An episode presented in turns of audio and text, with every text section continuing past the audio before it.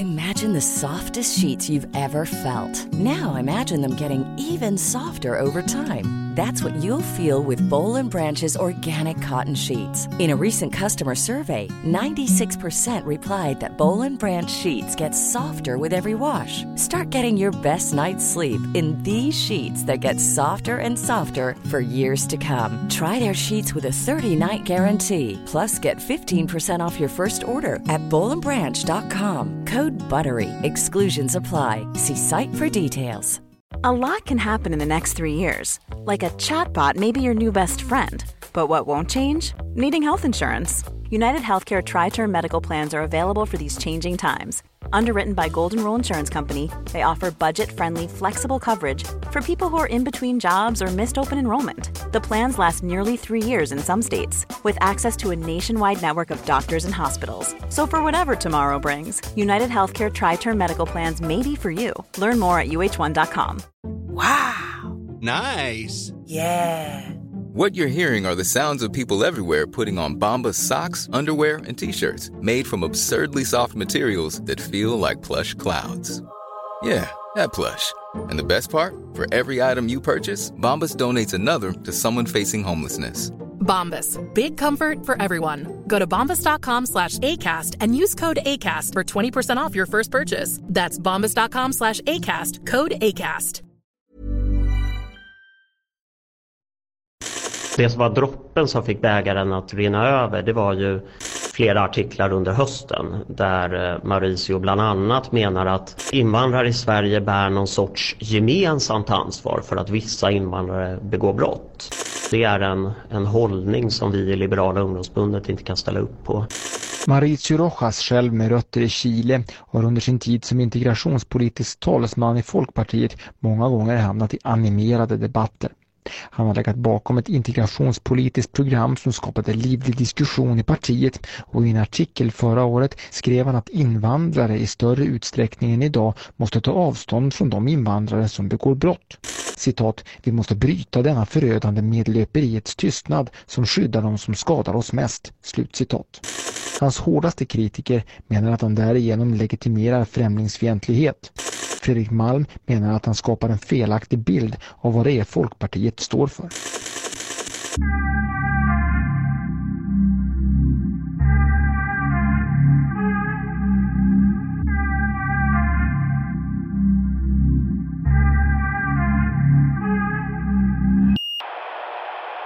På 70-talet, Mm. när du kommer till Sverige som 24-åring. Ja. Vilket år var det? 70... 74, 74. januari. Jag var 23 fortfarande. 23 år. Ja, Vem var den där Mauricio som kommer till Sverige då? Det var en vänsterextremist.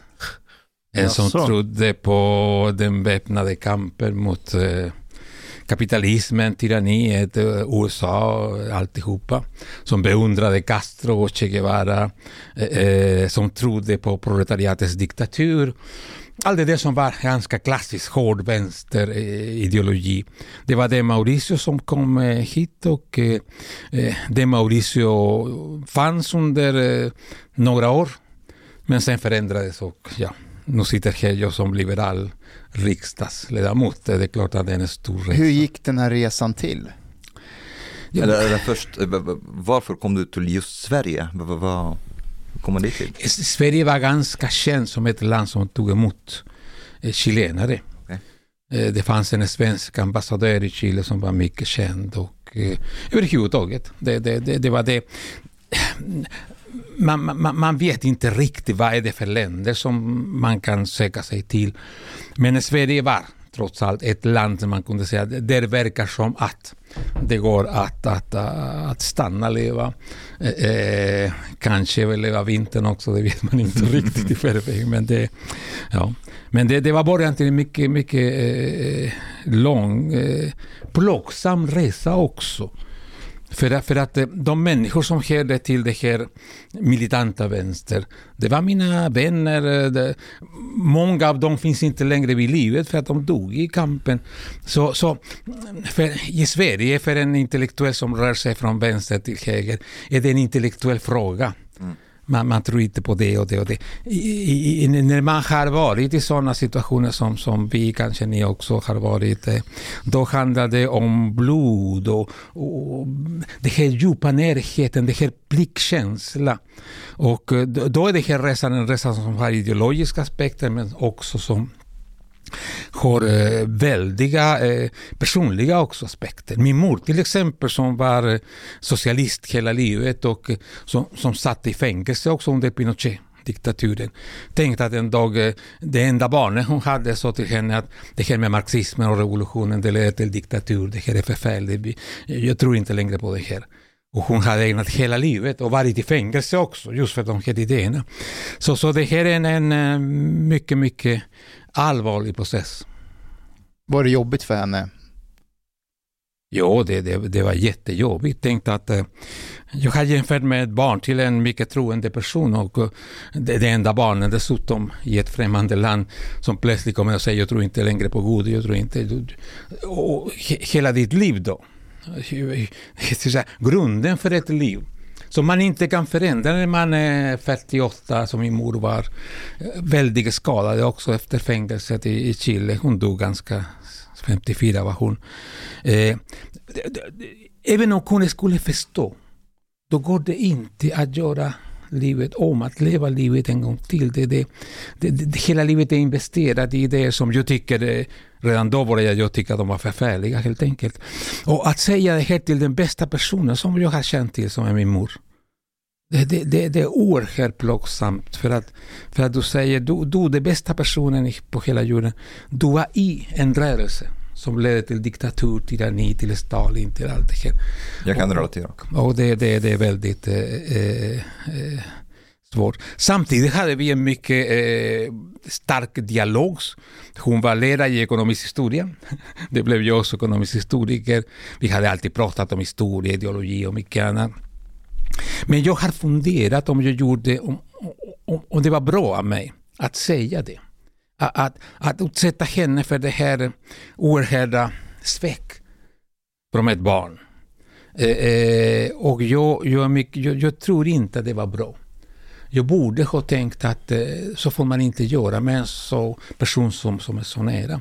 Samtidigt var det jättesvårt att inte berätta hur jag själv att tänka. Jag, jag är väldigt så att säga inne i det här. Oj, nu upptäcker jag att det här var förfärligt. Och, Men hur, hur, hur förklarar du det? Eller frågade hon varför? Ja, ja hon läste. Jag började skriva rätt så mycket då. Det publicerades i Spanien också, några av mina texter på den tiden. Det fanns en våg i, ja, i hela västvärlden men också i Spanien av människor som lämnade marxismen. Det var det man kallade för marxismens kris. Det var många intellektuella som hade varit på 60-talet och 70-talet som började ifrågasätta marxismen. I kopplingen med diktaturen. Vad, vad, vad, finns det i marxismen som alltid leder till diktatur?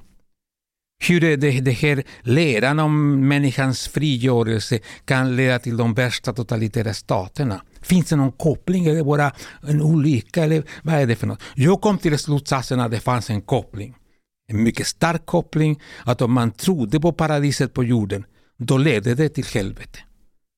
För vi människor är inte funtade för paradiset. Då måste någon tvinga oss till det här typen av utopiska samhälle. Jag, jag, jag, jag förmedlade alltihop till min mor. Hon läste min artikel. Jag, jag kommer ihåg när jag gav henne den artikel, den text där jag bröt med marxismen. Så kom hon in i mitt rum och kastade det här pappret på mig. Och hon sa, du har förstört mitt liv.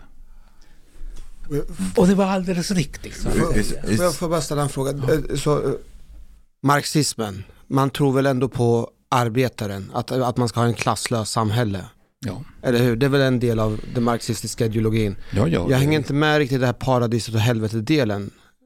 Det är väl in... det, det, det, det har mycket starkt att göra Finns med det det inom marxismen? Ja, inom, ja. Att man kommer till paradiset? Nej, inte nej, så. Men... Att, man, att man har en utopisk... Ja, ja, ja, och, och, om du tänker dig på kommunismen, ja, då finns det inget eh, privat ägande, det finns inga konflikter, inga klasser och så vidare. Det är precis så paradiset är tänkt. Okay, okay. Jag brukar föreläsa för, för vänner som är eh, kristna, katoliker oftast, för att det är i Latinamerika. Och jag säger, okej, okay, nu ska ni föreställa er himmelen. Okej, nu frågar jag, Finns det privat ägande i himmelen? Nej, nej. Finns det mitt och dit? Handlar vi, driver vi företag? Nej, nej. Va- Vad är himmelen? Det är en kommunistisk utopi. Och därför var kommunismen så stark också.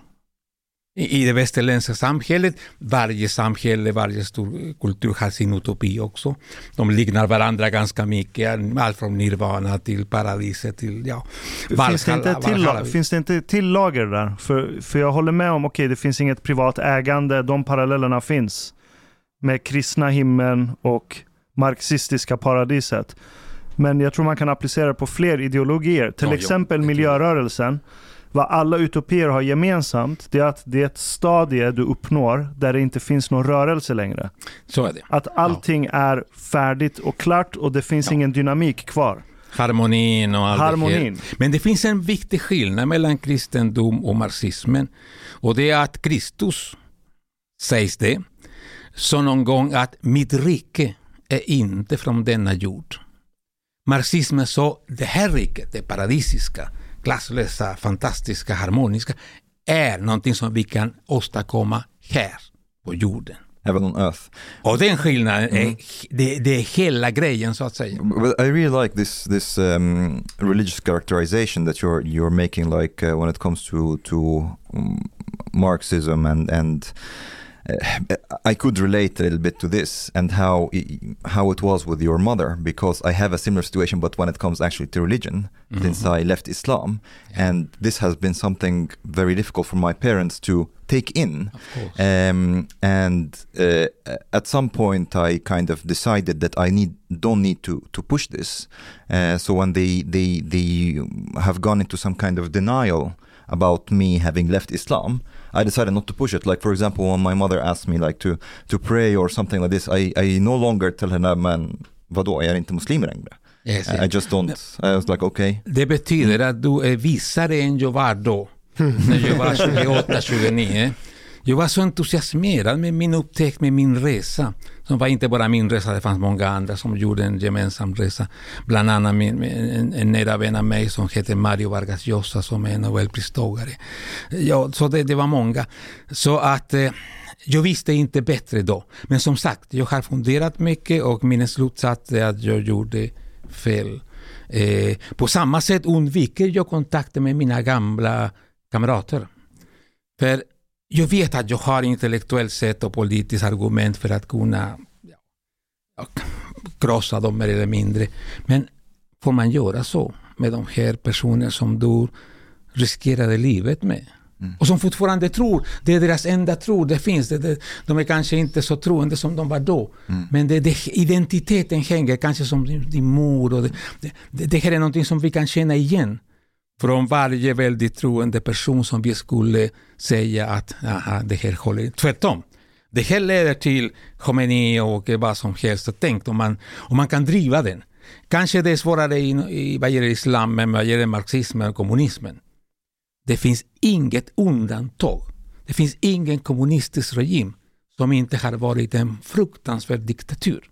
Däremot finns det många varianter av islam, vi kan diskutera det. Men, men, men i det här fallet finns en absolut, så att säga, eh, eh, eh, sammanfallande mellan diktatur och strävan att skapa kommunismen. Och, det- och det är därför för mig väldigt, väldigt, väldigt viktigt, just en stor del av min avhandling handlar indirekt om det. För att jag, jag, jag tänkte, min mor som var så bra, fin person, jag som var inte så, heller så, så, ja, så värst illa som person. Hur kunde jag tro på detta? Hur kunde jag vara beredd att dö för den här och att döda för den här? För att dö kan man förstå enklare med att döda. Inte bara en, men många andra. Eh, eh det, det var för mig en fråga som jag, jag, försökte att få svar under ganska många år. För det, det var så viktigt för mig. Eh, eh till sist kom jag till slutsatsen att ja, du, du, har en personlighet som kanske är lite böjd och det, ja, och det hållet. Nu, nu är inte kommunismen här och kan försvara sig, men om den var här så skulle Ja. den säga att på pappret är det ju ett väldigt fin ideologi. Ja, Eller hur? Det är det som jag förnekar. På pappret är det, där finns allt det som behövs för att leda till den verklighet som vi har sett. För att på pappret finns det här idén om just det här samhället som är fantastiskt. Och inte bara det, om att individen upplöser sig i kollektivet. Det finns den här harmonin, du får inte ha egna privata intressen. Marx skriver om detta explicit och tydligt. Eh, eh, så från den här utopin till verkligheten, tror jag, finns det en, en, nödvändig så att säga, koppling. Och det var det som för mig var bara så viktigt att, att diskutera och skriva om. Och mycket annat. Men i alla fall, min, minnes, min minneslutsats var inte bara att jag hade fel eller att min mor och andra fantastiska människor hade fel. Utan att hos människan finns en drift. En möjlighet till det onda. Till att skada andra människor på ett förfärligt sätt. Och att de goda, som är övertygade att de har den bästa lösningen för mänsklighetens problem, de är de farligaste. Mm. För de som är så övertygade att de kan förverkliga paradiset. Så man frågar sig, varför inte offra hundratusen människor, ett helt folk, om paradiset är så nära? Uh, I, I think uh, Alan Watts, I think he he uh, he wrote about this uh, that there is a difference between people who, out of like uh, how to say, being human, are motivated by greed. That this is something that can be understood still, even if it's not great, but it can be understood. But the people who who do the most damage are utopianists who mm. are driven by dogma, exactly. basically. Yes. Um, på tal om att det står redan på pappret. Det är ju godheten som är implicit i alltihopa. Den absoluta godheten mm. som jag kallar den. Jag säger att den absoluta godheten är granne med den absoluta ondskan. Mm. För det innebär att den som på riktigt tror att jag har hela lösningen på alla mänsklighetens problem. Right. Den personen kan vara hänsynslös mm. mot alla andra. Betrakta alla de som inte har förstått detta som underlägsna, som måste tvingas till som Rousseau en gång sa, vi måste tvinga människorna att vara fria. Eh, eh, och det här är marxismens historia, det, dramatiska, för det här är, det, det här är väldigt eh, sorgligt egentligen. Men det här är också nazismens historia, det är islamismens historia. Men den, den radikala islamismen tänker på samma sätt. De har en idé om det här fantastiska Umma-kollektivet eller vad som helst. Och de är beredda att, att, att, att offra allt för de säger, vad spelar det för roll? En bomb hit, en bomb dit, tusen döder. Mm. När vi kan nå det här mm. himmelska paradiset. Här. Får, får jag ställa en fråga bara? Ja. Jag, jag, jag, det här kanske är en konstig dum fråga, men jag, jag kommer osökt att tänka på eh, John Lennons låt Imagine. Mm. Eh, och det här är en låt som jag verkligen älskar och jag har alltid älskat den. Eh, men min relation till den har ändrats lite genom åren och jag älskar den fortfarande men det är inte dit jag vill sträva. Mm. Eh, hur, hur, kan man som ung person älska den låten och, och, den konsten men samtidigt förstå att Ja, det, det som du beskriver, mm. att, att, när du är så pass utopisk och, och så, så, kommer också ondska med det här. Och, så att säga tillbaka på ett förfärligt sätt Eh, jag tror att eh, i ungdomens predikament eller natur finns det en hela vilja tro att allt kan bli mycket bättre. Eh, och det är bra. Unga personer ska vara upproriska, de ska vara kritiska, de ska vara rebelliska. Det, det är så världen också går framåt. Men då och då går det så mycket framåt att det störtar i, i, i helvetet. Och, och det är där, det, det, det, det, det som grekerna kallade för moderation eller det, det, den rätta mitten eller något sånt hade grekerna. Det det är så viktigt men det uppnår man så småningom. När man börjar att, att, eh, att inse begränsningar i den mänskliga förmågan att förändra den egna naturen. För det, lär, det är där det utopiska, eller utopiska faran ligger. Att man predikar en förändring av människans natur. Man ska få bort allt det som är ont, allt det som är egoistiskt och så vidare. Man ska skapa änglar. Mm. Mm. Och vi människor är människor och vi måste skapa mänskliga samhällen som just kan hantera de här begränsningarna som inte kommer att försvinna. Men som är inte beredda att offra allt friheten och alltihop för att, för att, så att säga, hålla under kontroll den här. Och det här är för mig liberalismens stora fantastiska idé. att man kan ha det här det, det egoistiska, det individualistiska och göra det till en kraft som är inte destruktivt. på vilket sätt faller liberalismen inte i samma utopistiska fälla då? Om, om det finns liberaler, som, och det finns, jag, jag känner dem till, då faller de i samma fälla. De faller i samma fälla och de kan vara beredda också att offra människor på samma sätt. Är det hur ser Jösses det? Eh, liberaler eller? Vad sa du? Är det där herrejösses liberaler kommer in eller? Ja, och libertarianer. De, de men kan... men jag, jag, jag känner, i Latinamerika har hänt många gånger att eh, det finns en diktator som ska på något sätt privatisera företag och så vidare. Och då blir liberalerna, några, inte alla, men några, helt förtjusta. Och börjar prata, som Hayek gjorde en gång, om liberala diktaturer. Nej, men det är inte så mycket att skratta åt. allvar? Är de allvarliga? Ja, ja men han, han pratar om det där. Och, och, och, jag kan förstå resonemanget äh, att i, ja, i jämförelse med Maos äh, diktatur är kanske Deng Xiaopings äh, mer liberalt. Det, det, det, är inte viktiga saker.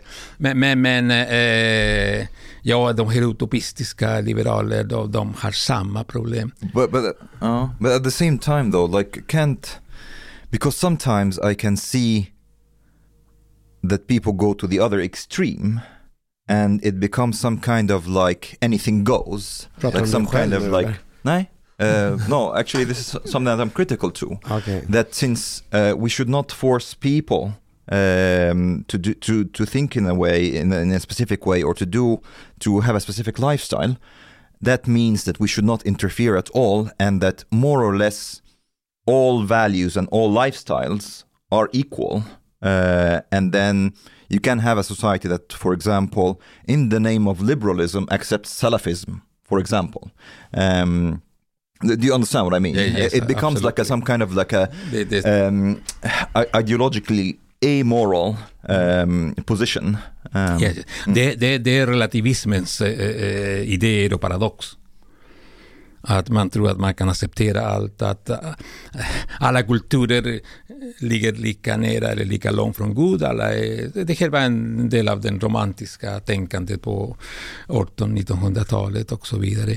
Eh, eh, och multikulturalismen grundar sig på den idén. Mm. Vi ska ha alla kulturer, det är fint, det är roligt, det är allt det där som vi känner till.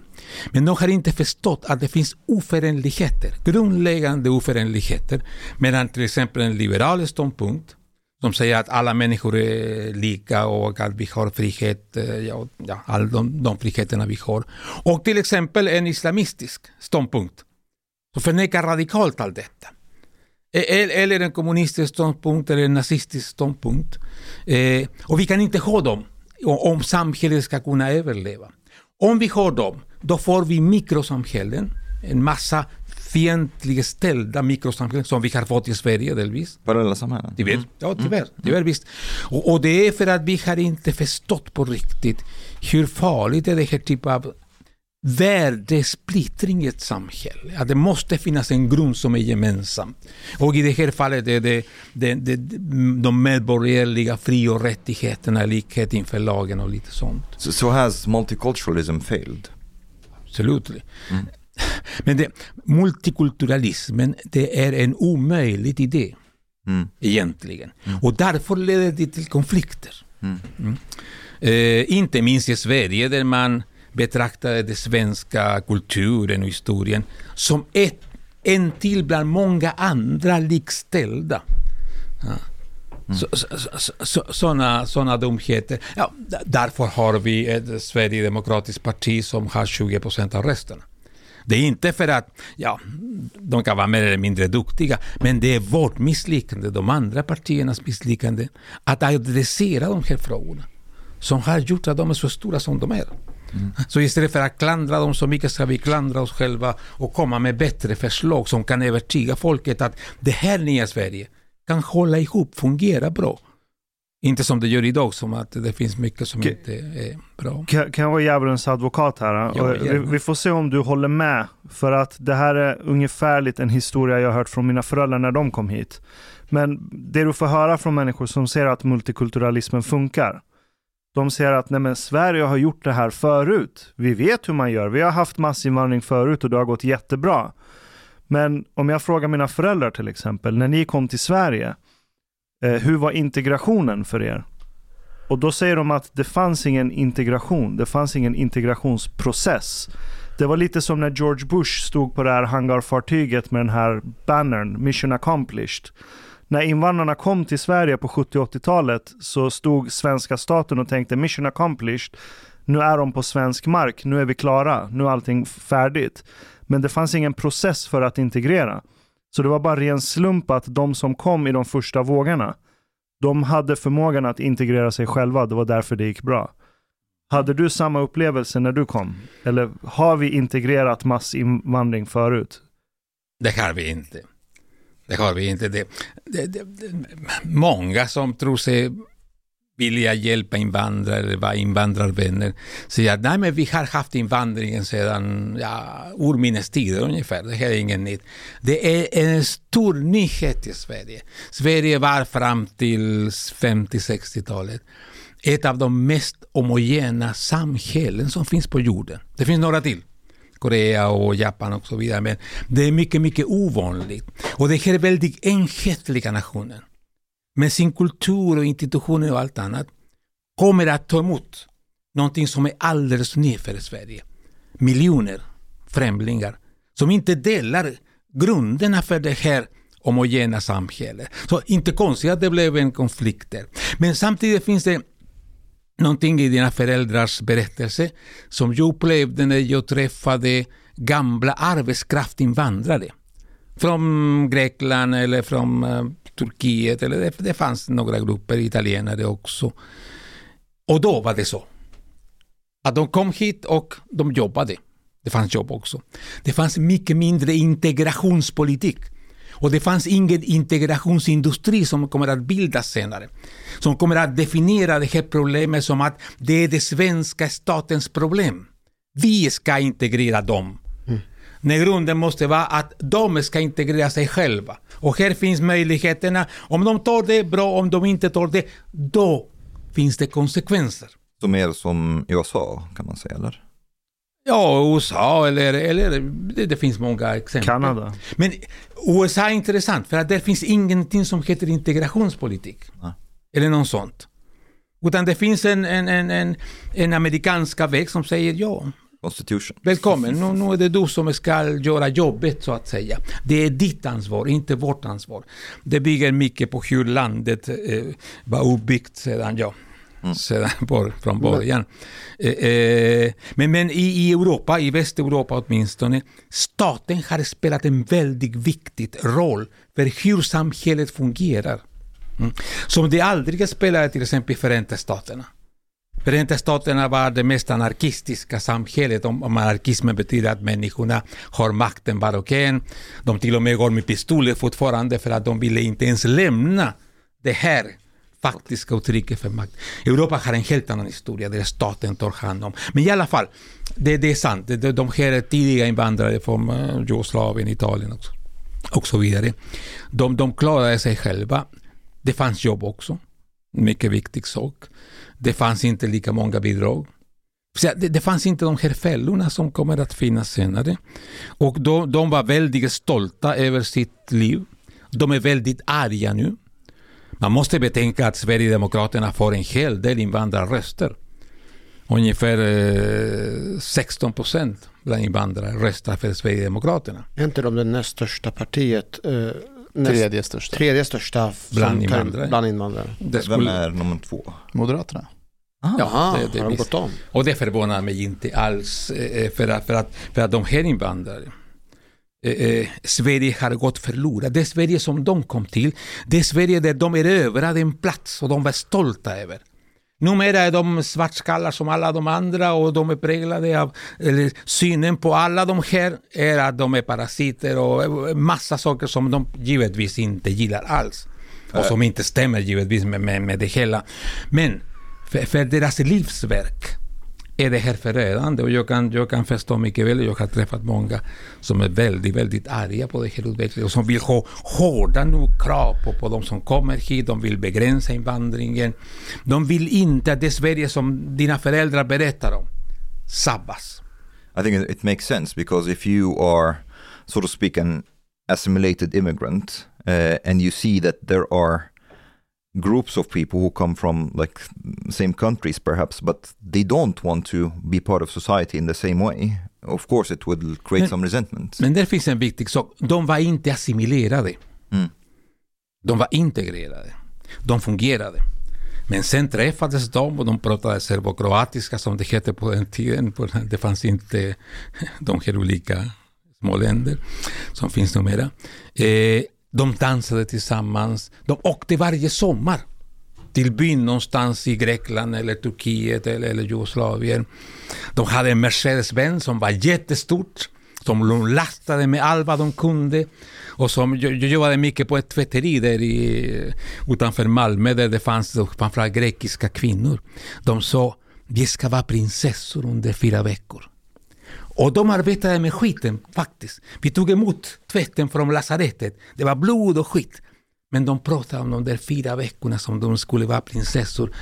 Och eh, ja, det var konstigt kan man säga, men det, det, det, det var fint på något sätt. För Merchan var där. Mannen hade jobbat väldigt tidigt. Och nu väntade på kvinnorna, vi slutade klockan 11 på kvällen. Kvinnorna hade börjat klockan tre och jobba. Mannen väntade med Mercedes-Benz. Och, och det fanns, det här landet var inte gratis för dem. De hade erövrat det här landet. Och de hade en villa, de hade en vovve, de hade en Volvo, de hade alltihop detta. Och de var jättestolta över. Det här är någonting som gör ont när man förlorar. Eh, eller när samhället börjar se dig på ett annat sätt. Du som har gjort allt det som skulle göras. Eh, eh, och, och då blir, man kan bli hatisk till och med. Mot de som kommer nu. Och lägga till många andra saker, att de är det och det och det. Och, eh, ja, så fina var vi och titta på dem numera. Så är det, det är intressant att säga det var omständigheterna väldigt mycket som, som förklarar det här. Mauricio, jag, jag har lärt mig mycket om Sverige och svenskarna tack vare dina böcker. Ja. Och en bok som jag tyckte väldigt mycket om är Farväl till gemenskapen.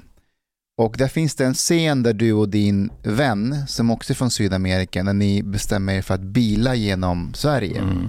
Och då upptäcker du Sverige, vad svenskarna är och hur det ser ut. Kan inte du berätta om den här bilresan du gör med din vän och, och vad du upptäcker om Sverige? Ja, det här vännen var från Italien faktiskt. Okej. Eh, Enrico hette han. ja, men det, det, det var en sån resa man gör. Eh, vi, vi, han hade en, en, en gammal Volkswagen, såna bubblor eller vad de heter. Ja. Och vi åkte ja, hela vägen till, till, till Nordkapp i, i Norge. Och, och, och det här upptäcktsresan att en av de saker som vi först upptäckte det var att städerna liknade varandra väldigt mycket. Och det här för en italienare var något obegripligt, för varje italiensk stad är en värld. Mm. Även om de ligger väldigt nära, de har totala, en helt annan identitet och historia, till och med dialekt och hur menar du att de liknar varandra? Jo, men det var, det var samma Systembolaget, samma EPA, samma postkontoret som var, det var världens centrum fanns det på postkontoret. Jag, jag kunde inte föreställa mig att en dag skulle Sverige inte ha längre postkontor på varje torg så att säga. Byggnaderna också, moderniseringen hade gått framåt här på ett sätt som var eh, ja, inte så roligt att se. Fanns det inte en Domus i varje stad också? Ja, a- allt det där, allt det där och, det. eh, och, bok. och några greker i varenda stad som drack kaffe på Domus också. Som satte för länge. Så, så på Konsum hittade på en regel som sa ett kopp kaffe här ger rätt till en halvtimme bara. Och sen får Costa och Gavras och allt vad de heter gå härifrån. För de satte Costa och Gavras och vet hur grekerna sitter dessutom. De sitter inte på en stol utan på flera. Och, och det, här, det, det var mycket roligt.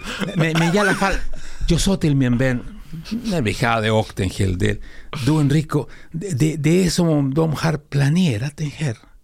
Alltihopa. Ja, så han, det är så. Men det konstiga var inte det. Utan att människorna gjorde här i Sverige så som planerarna hade tänkt.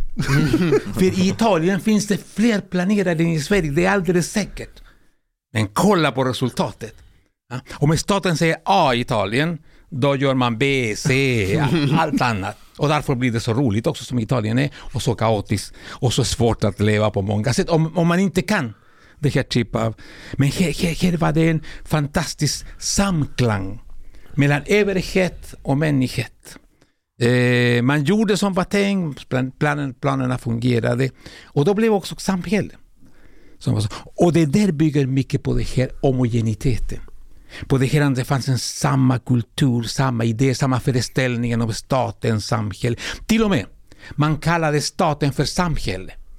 Någonting man inte får göra på i många andra länder. Right. När, staten gör någonting, man säger fortfarande samhället gör någonting. Samhället ingriper. Shit. Och det är staten. Ja. I Italien, ja, om man säger staten ingriper, då säger om, oh, skydda er för att nu kommer plundrarna och plundrar oss. Ja, att blanda samhället och staten är en historia som finns i Sverige, det är en väldigt speciell historia, som mycket annat.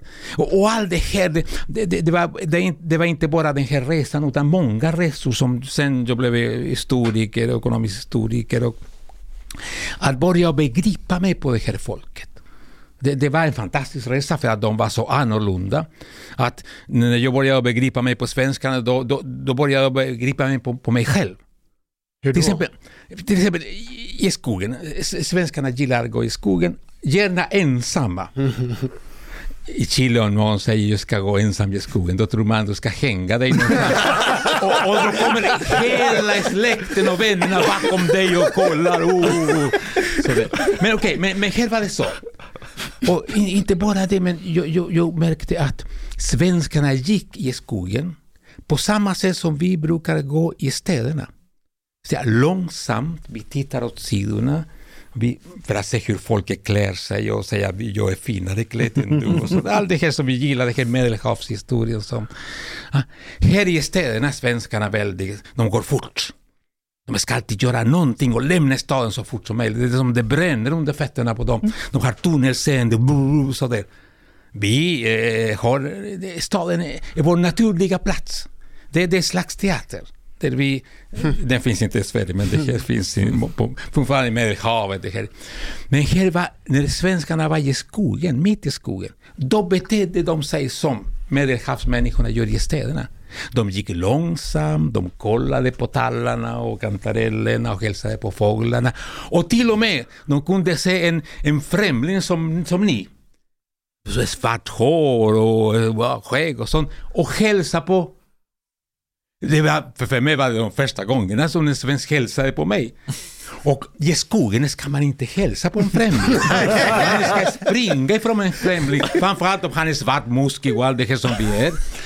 Men nej, de var trygga, de hej, hej. Och jag bara tittade på dem och kunde inte svara på för att när hälsade svenskarna mitt i stan så att säga? När, när, när hade de där tid och, och trycket? Och då började man tänka, vad är det här för folk? You're like shit, maybe I should live in the woods. Precis, och de gjorde det för inte så länge sedan. De, du skriver att de är bönder, exakt, svenskarna. Exakt. Det här är en fattig bondfolk som har kommit till städerna och till det moderna för inte så länge sedan. Som har aldrig vant sig på riktigt. Kanske de nya generationerna, de är, de är mycket mer urbana, mycket mer stadspräglade. Eh, men så fort svenskarna kan lämna städerna och gå till stugan någonstans, och till, eh, de gör det. Och de är glada och, och trygga i det här. Och att kunna upptäcka att bakom den här moderna fasaden, de här människorna med bilar och Volvo-bilar och alltihopa, finns det en fattig bonde. Det var för mig nyckeln till att kunna leva ett, ett liv i Sverige som var inte hela tiden en undran så att säga. Då kunde jag förstå smaken också. För svenskarna gillar det, det enkla. Vi medelhavsmänniskor, eller ni som är ja, Mellanösterns människor, vi gillar tvärtom. Det lyxiga, det pråliga. Och vi gillar att visa den också. Och, och, och turken eller chilenare, de, de, de sätter sig guldringen om de kan. Kanske lånar de guldringen från någon. Och går till anställningsintervju med guldringen och den fina kostymen och alltihopa. Och svensken, han sitter där, får ont i magen. Men säger ingenting. Mm. Hela hans kulturella arv finns under attack. Att den här turken, så det enda han vill är att klä sig fint för att det är naturligt när man ska söka jobb. Och han lånade allt det här som ser fint ut och så vidare. Och de här kollisionerna, som är så oerhört viktiga för att kunna så att säga leva i Sverige tycker jag. Du tar ett exempel om, om, om en ung kvinna i Paris. Ja. Får eh, frågan om vad hon har köpt sin klänning. Berätta om det. Ja, men det där, du, ni vet att det finns några fina festligheter kring Nobelpriset och banketten där i, i stadshuset. Och det fanns en, en, en kulturminister som hette Birgit Friggebo. En mycket, en, en, en, hon var rödhårig och en väldigt fin kvinna så att säga. Är det We shall overcome? Ja, We shall overcome. Men, men det här är bättre än We shall overcome. Hon hade den gången en väldigt oringad klänning. Varför? Som givetvis var det enda man pratade om efter festen. Klänningen som hon hade. Och då blev hon intervjuad och hon säger Ja, men jag köpte det begagnat. Det var, det var på rea. Tänk dig en, hon var kulturminister, tänk dig en fransk kulturminister som säger jag köpte det på rea, det var begagnat. Hon får inte vara fransk kulturminister. inte i Iran heller, inte i Chile, det, det, det vore det värsta man kan säga. Men här var det fint. Ingen sa någonting, men, men, men, men då kunde jag förstå, ah, nu är alla svenskar, de ler, de förstår, de förlåter henne för oringade, den oringade klänningen och mycket annat. För hon har sagt det mest svenska man kan göra. För en, en, en bondkvinna kan då och då köpa sig en fin klänning. Begagnad och billig givetvis, inte något annat. Och ha den en söndag. Söndagskostymen finns också här i Sverige. Men, men, men hon ska vara medveten att det här var någonting extra som man gjorde och nästan be om ursäkt för det. Och de här ögonblicken har så att säga gjort... eh, Med, båda jag älskar väldigt mycket Sverige. För, om man inte förstår varför, då tycker man att det här landet är bara konstigt, de här människorna är, är saker som man inte begriper sig på. Eh, eh, eh, och då kan man bli till och med lite hatisk, eller ta avstånd och leva någon annanstans, för svenskarna kan man inte beblanda sig med. Men när man börjar begripa varför gör de som de gör? Då kan man börja att tycka om dem också. Och säga, men vad roligt det här egentligen. Till och med skogen. Jag kan inte säga jag hundrar i skogen, nej. Jag längtar till kaféet så fort jag sitter, sätter min fot i en skog. Men, men man börjar förstå. Det är en, en folkhistoria. But, but but this is like I don't know. I think it's a bit strange still from from both a cultural and historical perspective, even among like agricultural societies. Like items of status was very common throughout history. That you have like things that basically signal your status, expensive things, and so on. Yeah. Even among uh, agricultural societies. Why just Sweden? Jo, jo det, det var en av de stora frågorna. Varför det var bondekulturen som präglade landet och inte den aristokratiska kulturen. För det fanns givetvis en elit här och, och, och mycket annat sånt. Och då började man att, att, att, att...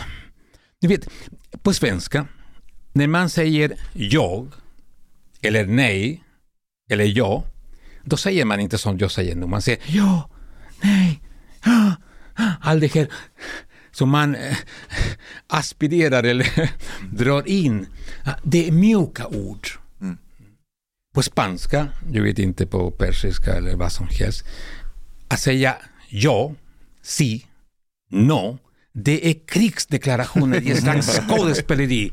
Jag säger si, du säger no, ah vad roligt. Svenskarna säger ja. och, då, och de drar sig in och det blir tyst så småningom. Vad, vad vill de säga? Ja, de vill säga att kan du inte, inte hitta på något bättre så att vi kan komma överens? För att, att komma överens är kärnan i den svenska kulturen. Det här att, det här att inte bråka, ju, det, det hela det här som... Det är ett av råden som jag lärde mig på grund av dig, som jag skrev i min bok. Lär dig säga nja. Ja, just det. Det, det, det, det ordet nja var det mest. Och, och varför det? Jo, då började jag tänka, det här landet har något mycket unikt. Kanske Norge och jag Norge också, och Finland som en del av Sverige. Bönderna var fria under allt det som vi kallar för medeltiden. Här, här, till och med i den svenska riksdagen fanns det fyra ständer. Inte tre som vanligt i Europa, det var borgare, präster och adelsmän. Här fanns bondeståndet också. Och jag tänkte, hur, hur gjorde bönderna för att klara sig, försvara sin frihet och vara med, ha en röst? Det fanns bara en möjlighet, att de kunde säga vi och inte jag. För en liten bonde som kommer till fogden och säger ja, Pelle Persson. Ingenting. Men om han säger vi, bönderna, då är han 300 000. Då är han något annat. Mm.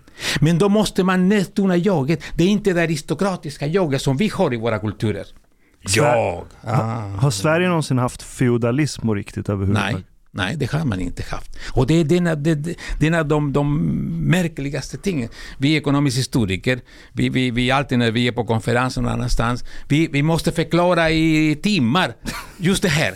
Nej, men i Sverige hade inte feudalismen, bönderna var fria och därför, pum, pum, alltihop följer på det, mer eller mindre. Det här är någonting som vi skulle vilja att svenskarna kunde uttrycka ge som en slags present till de som kommer utifrån. Men de kan inte den här historien. De kan inte koppla hur de är till den här historien. För att? Och då är det helt tyst. Varför kan de inte göra det för då? Mm? Varför kan de inte koppla den? För att de har inte förstått. Det, det, det är som fisken i vatten. De bara Exakt. simmade. Bla, bla, bla. De fattar inte att det finns något som heter vatten. Ja? Men om jag frågar varför du Birger Friggebo sa att du köpte det begagnat. Hon hade sagt, ja, det, det bara kom fram. Och jag säger, nej, nej, Birgit, det här finns en historia. Bönderna och det och det. Och det finns något som heter jantelagen, som är den allra viktigaste lagen i Sverige. Alla andra kommentarer till jantelagen. Och jantelagen säger, tro inte att du är någonting. Det vill säga, vi är någonting. Om du går med pälsen mitt i bondbyn, då skiljer du dig från kollektivet. Och om du skiljer dig, och också en annan skiljer sig, då finns inte längre bondekollektivet. Då finns det inte längre någon som kan försvara vår frihet. Vår frihet vilar på en solidaritet som är också förtryckande. Och Sverige är väldigt förtryckande på det viset. Den här konsensuskulturen ja, är väldigt hård mot de som bryter mot konsensus. Svenskar eller inte svenskar, egentligen svenskar har det svårare att bryta mot konsensus. För alla svenskar tänker han borde begripa, eller hon borde begripa, för hon är svensk och kommer här och invandrarna kan göra dumheter då och då under en viss tid. Men det, ja. det, det, här, det, det här är grammatiken i den svenska kulturen. Så det hyperindividualistiska Sverige är egentligen osynligt hyperkollektivistiskt? Exakt. Det, Sverige är hyperkollektivistiskt men också hyperindividualistiskt. Reviret min, min, min lilla del av denna värld, den är helig för svenskarna. Tvärtom, vad är, vad, vad är det för oss? Mm. Jag kommer ihåg när jag var liten, jag hade bott i en persisk familj och så, så kom jag till en svensk familj och i den svenska familjen så hade man sitt eget rum. Mm. Och när man kom till det egna rummet, då var det ens eget. Ja, Pappa, mamma fick inte komma i det egna rummet Nej. och man hade sina egna saker som tillhörde ja, bara en exakt. själv. Exakt. Om någon annan frågade om lov så kunde de låna sakerna. I den persiska kulturen, jag hade aldrig varit med om något liknande. Exakt, exakt. Vadå mitt rum, mina saker, det här är allas. You find them under the bed. Men, men det, och, och det här är så viktigt för att för svenskarna är det här reviret heligt. Mm. Mm. Man har inte rätt bara att trampa in i det. Så som vi har i de flesta andra kulturer. Så om du har en vän och du är ledsen, du går till vännen och säger hej, här är jag, jag är jätteledsen. Och det spelar ingen roll om han är upptagen eller inte. Det, det, han måste dela sin tid med dig. Du äger en del av hans eller hennes tid. Hon är inte en ö som är skild från dig. Just det. Ni, ni har något tillsammans. Och han äger en del av din ja. tid. Absolut. Men det är förpliktigande. Om, då, om jag kan gå till dig när jag är ledsen, då kan du komma till mig när du är ledsen. Och vi försöker bygga upp våra mänskliga relationer så att vi bygger upp de här beroendeförhållandena. Om jag gör någonting för dig, det är inte med tanke på att du ska betala tillbaka. Som några svenskar tror, att de, de vill göra sig kvitt så fort som möjligt. Om du har gett dem en flaska vin, då kommer de nästa dag med en flaska vin tillbaka ungefär. För att behålla oberoende. Däremot, vad, vad gör vi? Jag ger dig någonting med tanke på att min dotter inom 20 år kommer att behöva mm. dig antagligen. Man bygger för att överleva på det viset. Så, så det, ja, allt det här var min resa, är en del av min resa. Allt det här, jag skulle vara så glad om man förmedlade det, men samtidigt är det så svårt. But, but a, a question like Har svenskarna förstått sig själva mer nu när de med tanke på invandringen och mötet med en, en ex, a Nej, culture det- that's like totally the opposite of who they are? Det tror jag inte. Varför? Eh, Även om det finns en viss eh, uppvaknande. Eh, och det här kan man studera så det är rätt så vetenskapligt. Frågan om den svenska identiteten. Den var viktig i början på 1900-talet under, under moderniseringsprocessen. För då allt höll på att förändras från, från landsbygd till stad. Men sen försvinner det på 30-talet. När socialdemokratin monterar folkhemmet och då finns det ett gemensamt projekt. Då skrivs det inte längre. Då finns det inte mer diskussion. Vad är det svenska? Och det svenska blev det socialdemokratiska också. Det var nästan en samma sak. Men frågan dyker upp igen på 80-talet. Efter 50 år av tystnad börjar svenskarna att ha utställningar om vikingarna och vilka var vi? De, de funderade inte att det här är på grund av att nu finns det så många konstiga människor här som vi måste börja tänka på. Men man ser att det finns en förändring. Men jag tror inte att de har reflekterat eh, ordentligt på, på, på det här. Om vi tänker oss på det här påskupploppet och liksom vad det gjorde med oss att vi var i chock. Och att jag tänker att man borde reflektera så här, shit, borde vi tänka annorlunda? Nu kommer människor hit som tänker på ett annorlunda sätt. Men även där och då så tänkte jag att många inte ens reflekterar Nej. över vilka är de själva i förhållande Och- och då- till de som är här. Och då finns ett viktigt problem.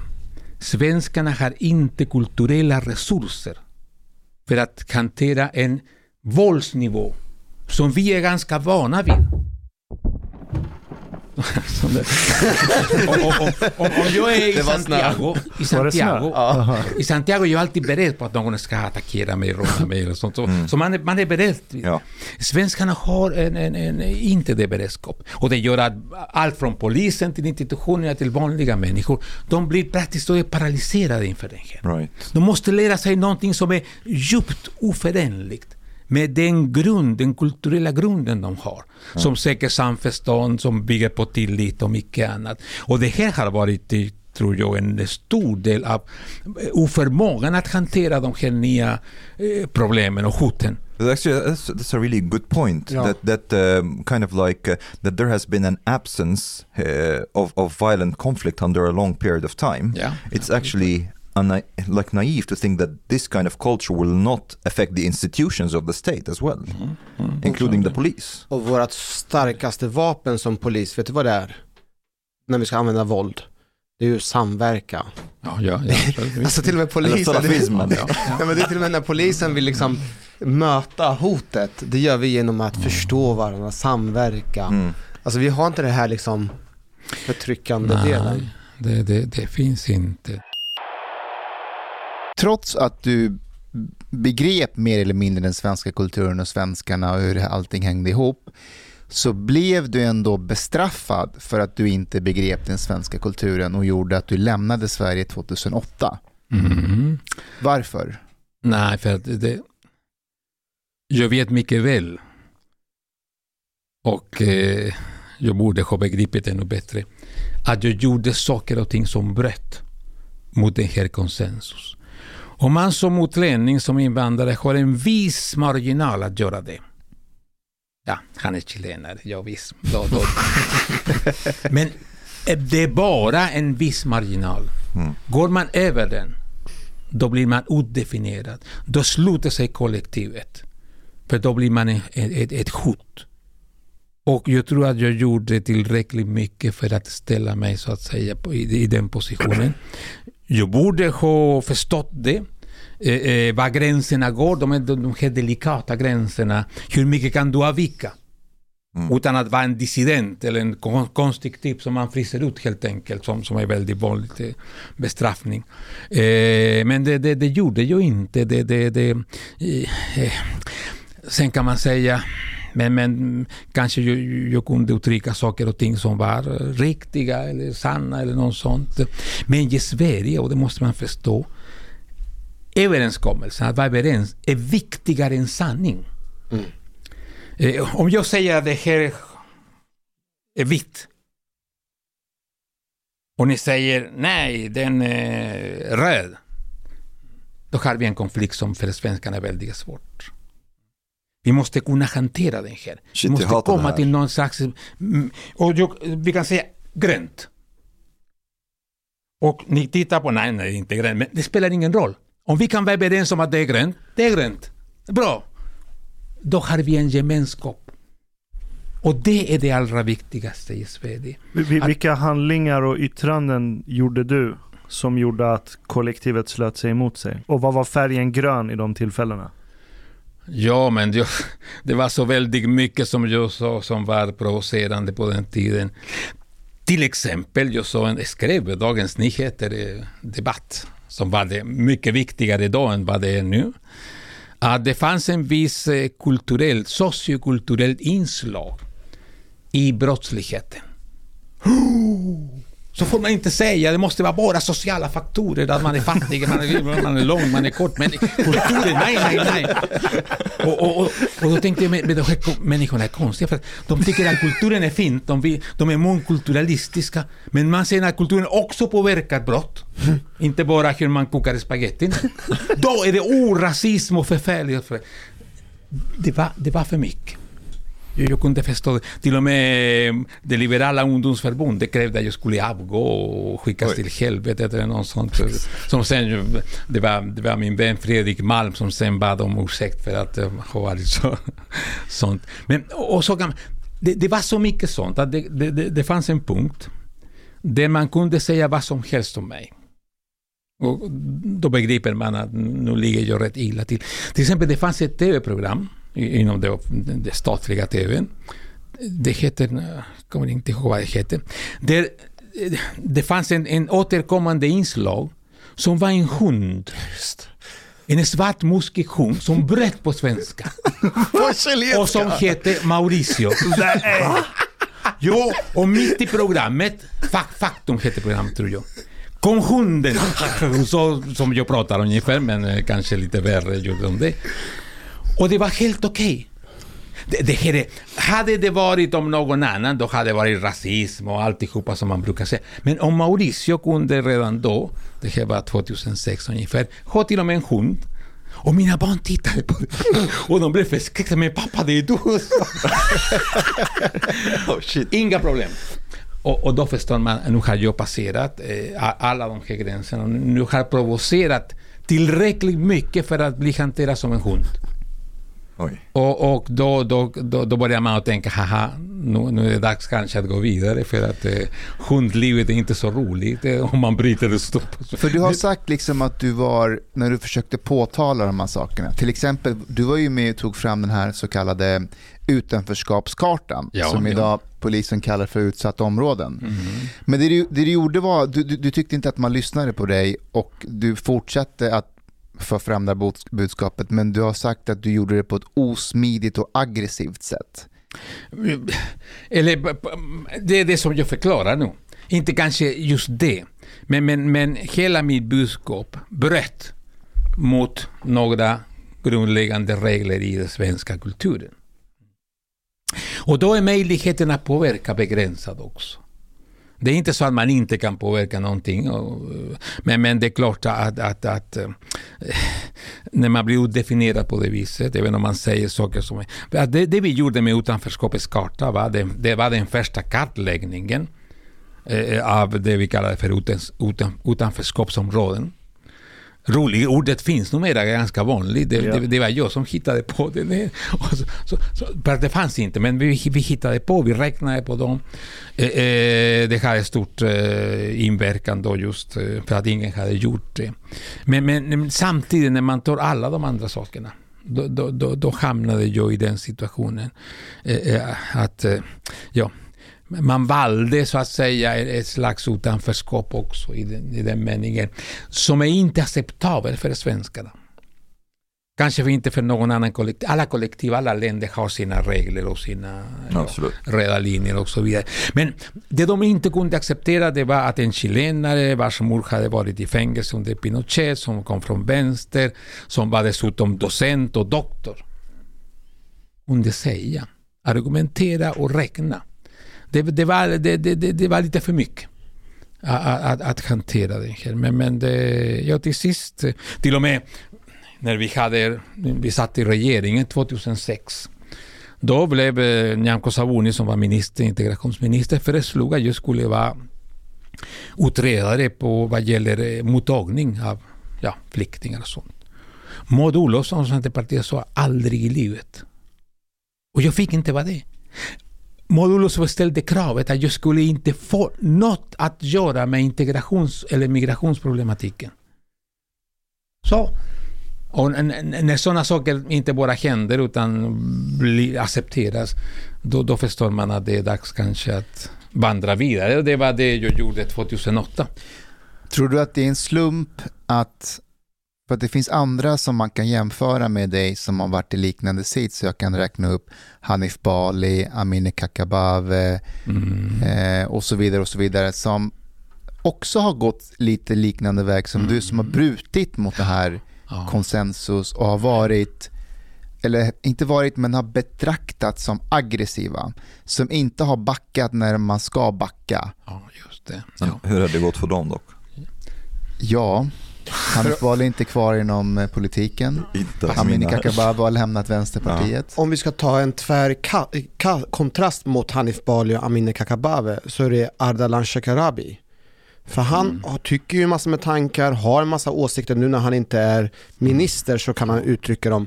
Men när han var minister så var han ju på ett helt annat sätt. Han spelar ju, han spelar ju de svenska korten på rätt sätt. Han var tyst ja. som en katt. Han var tyst som en katt, sa ingenting, ska, skakade tass med den här, eh, vad heter han, Waziri, den här utrikes, iranska, ira, eh, skaka tass. skaka tass med... Tyst katt. Ja. Jo, men, men, men visst, visst vi, vi hanterar på olika sätt. Det, det, det här oerhört viktiga kulturella kärnan i Sverige. Mm. Eh, eh, jag läste en bok av Hanif Bali som heter eh, Mina nio liv som mm. katter. Mycket kattreferenser. Ja, något sånt.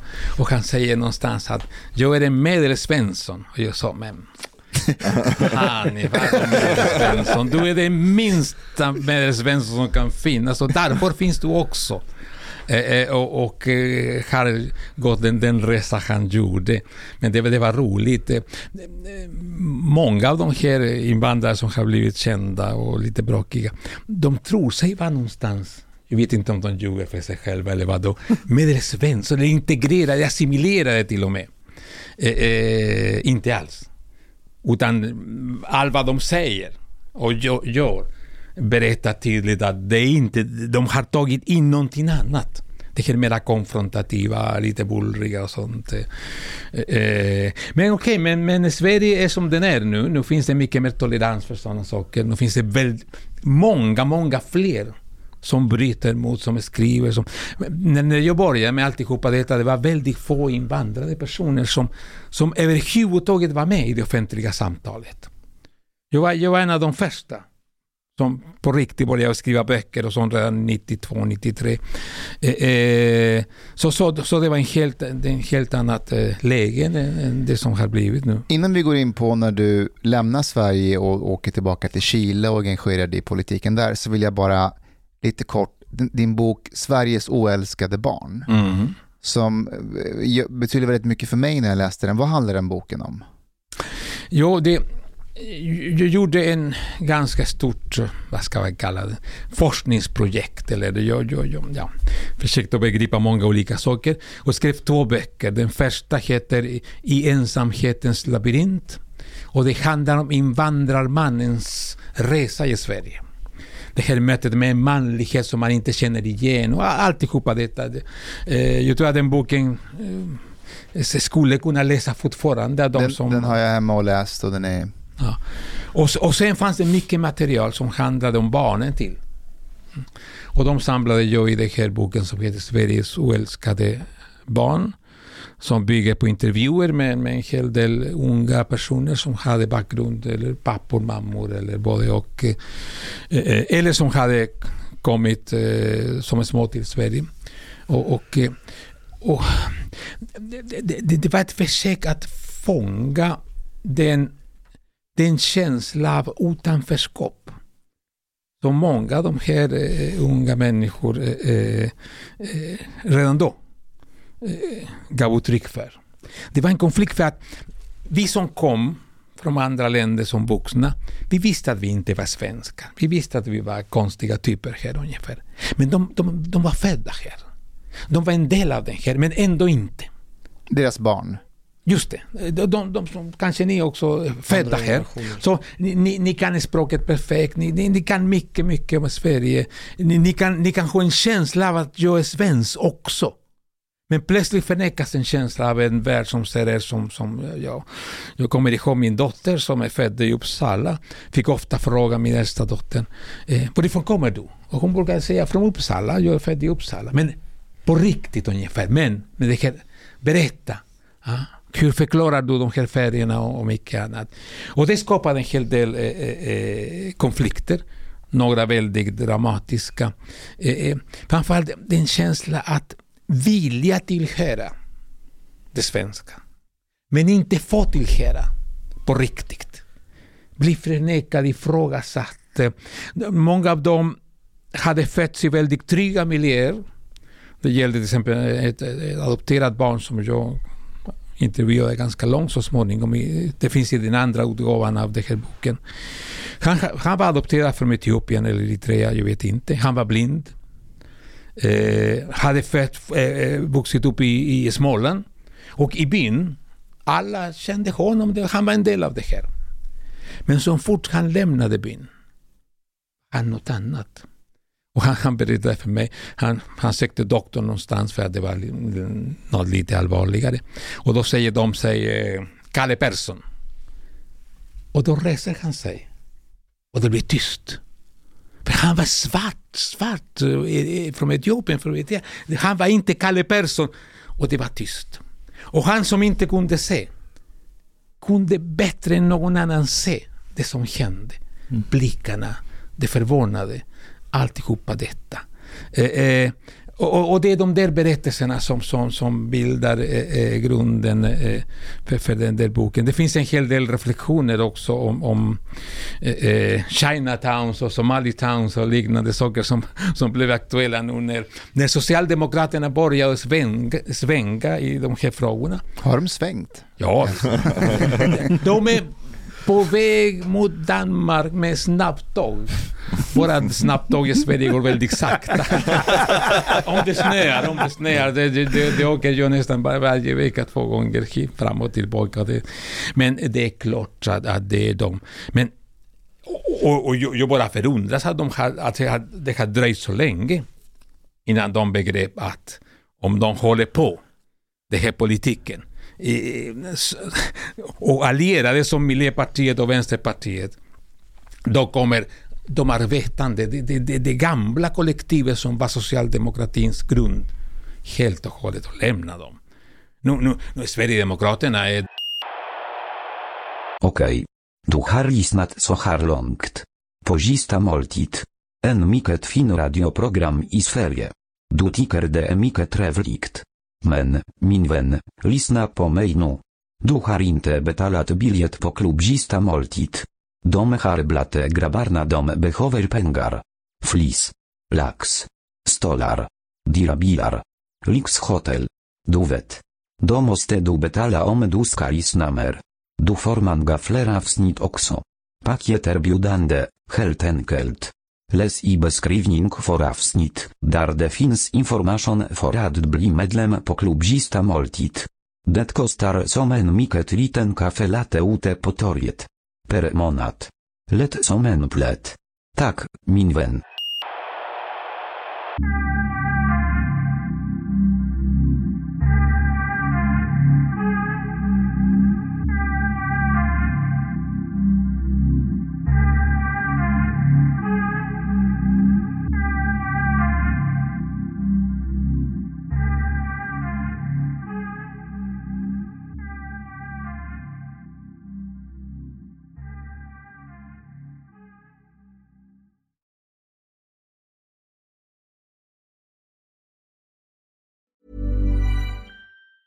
Planning for your next trip?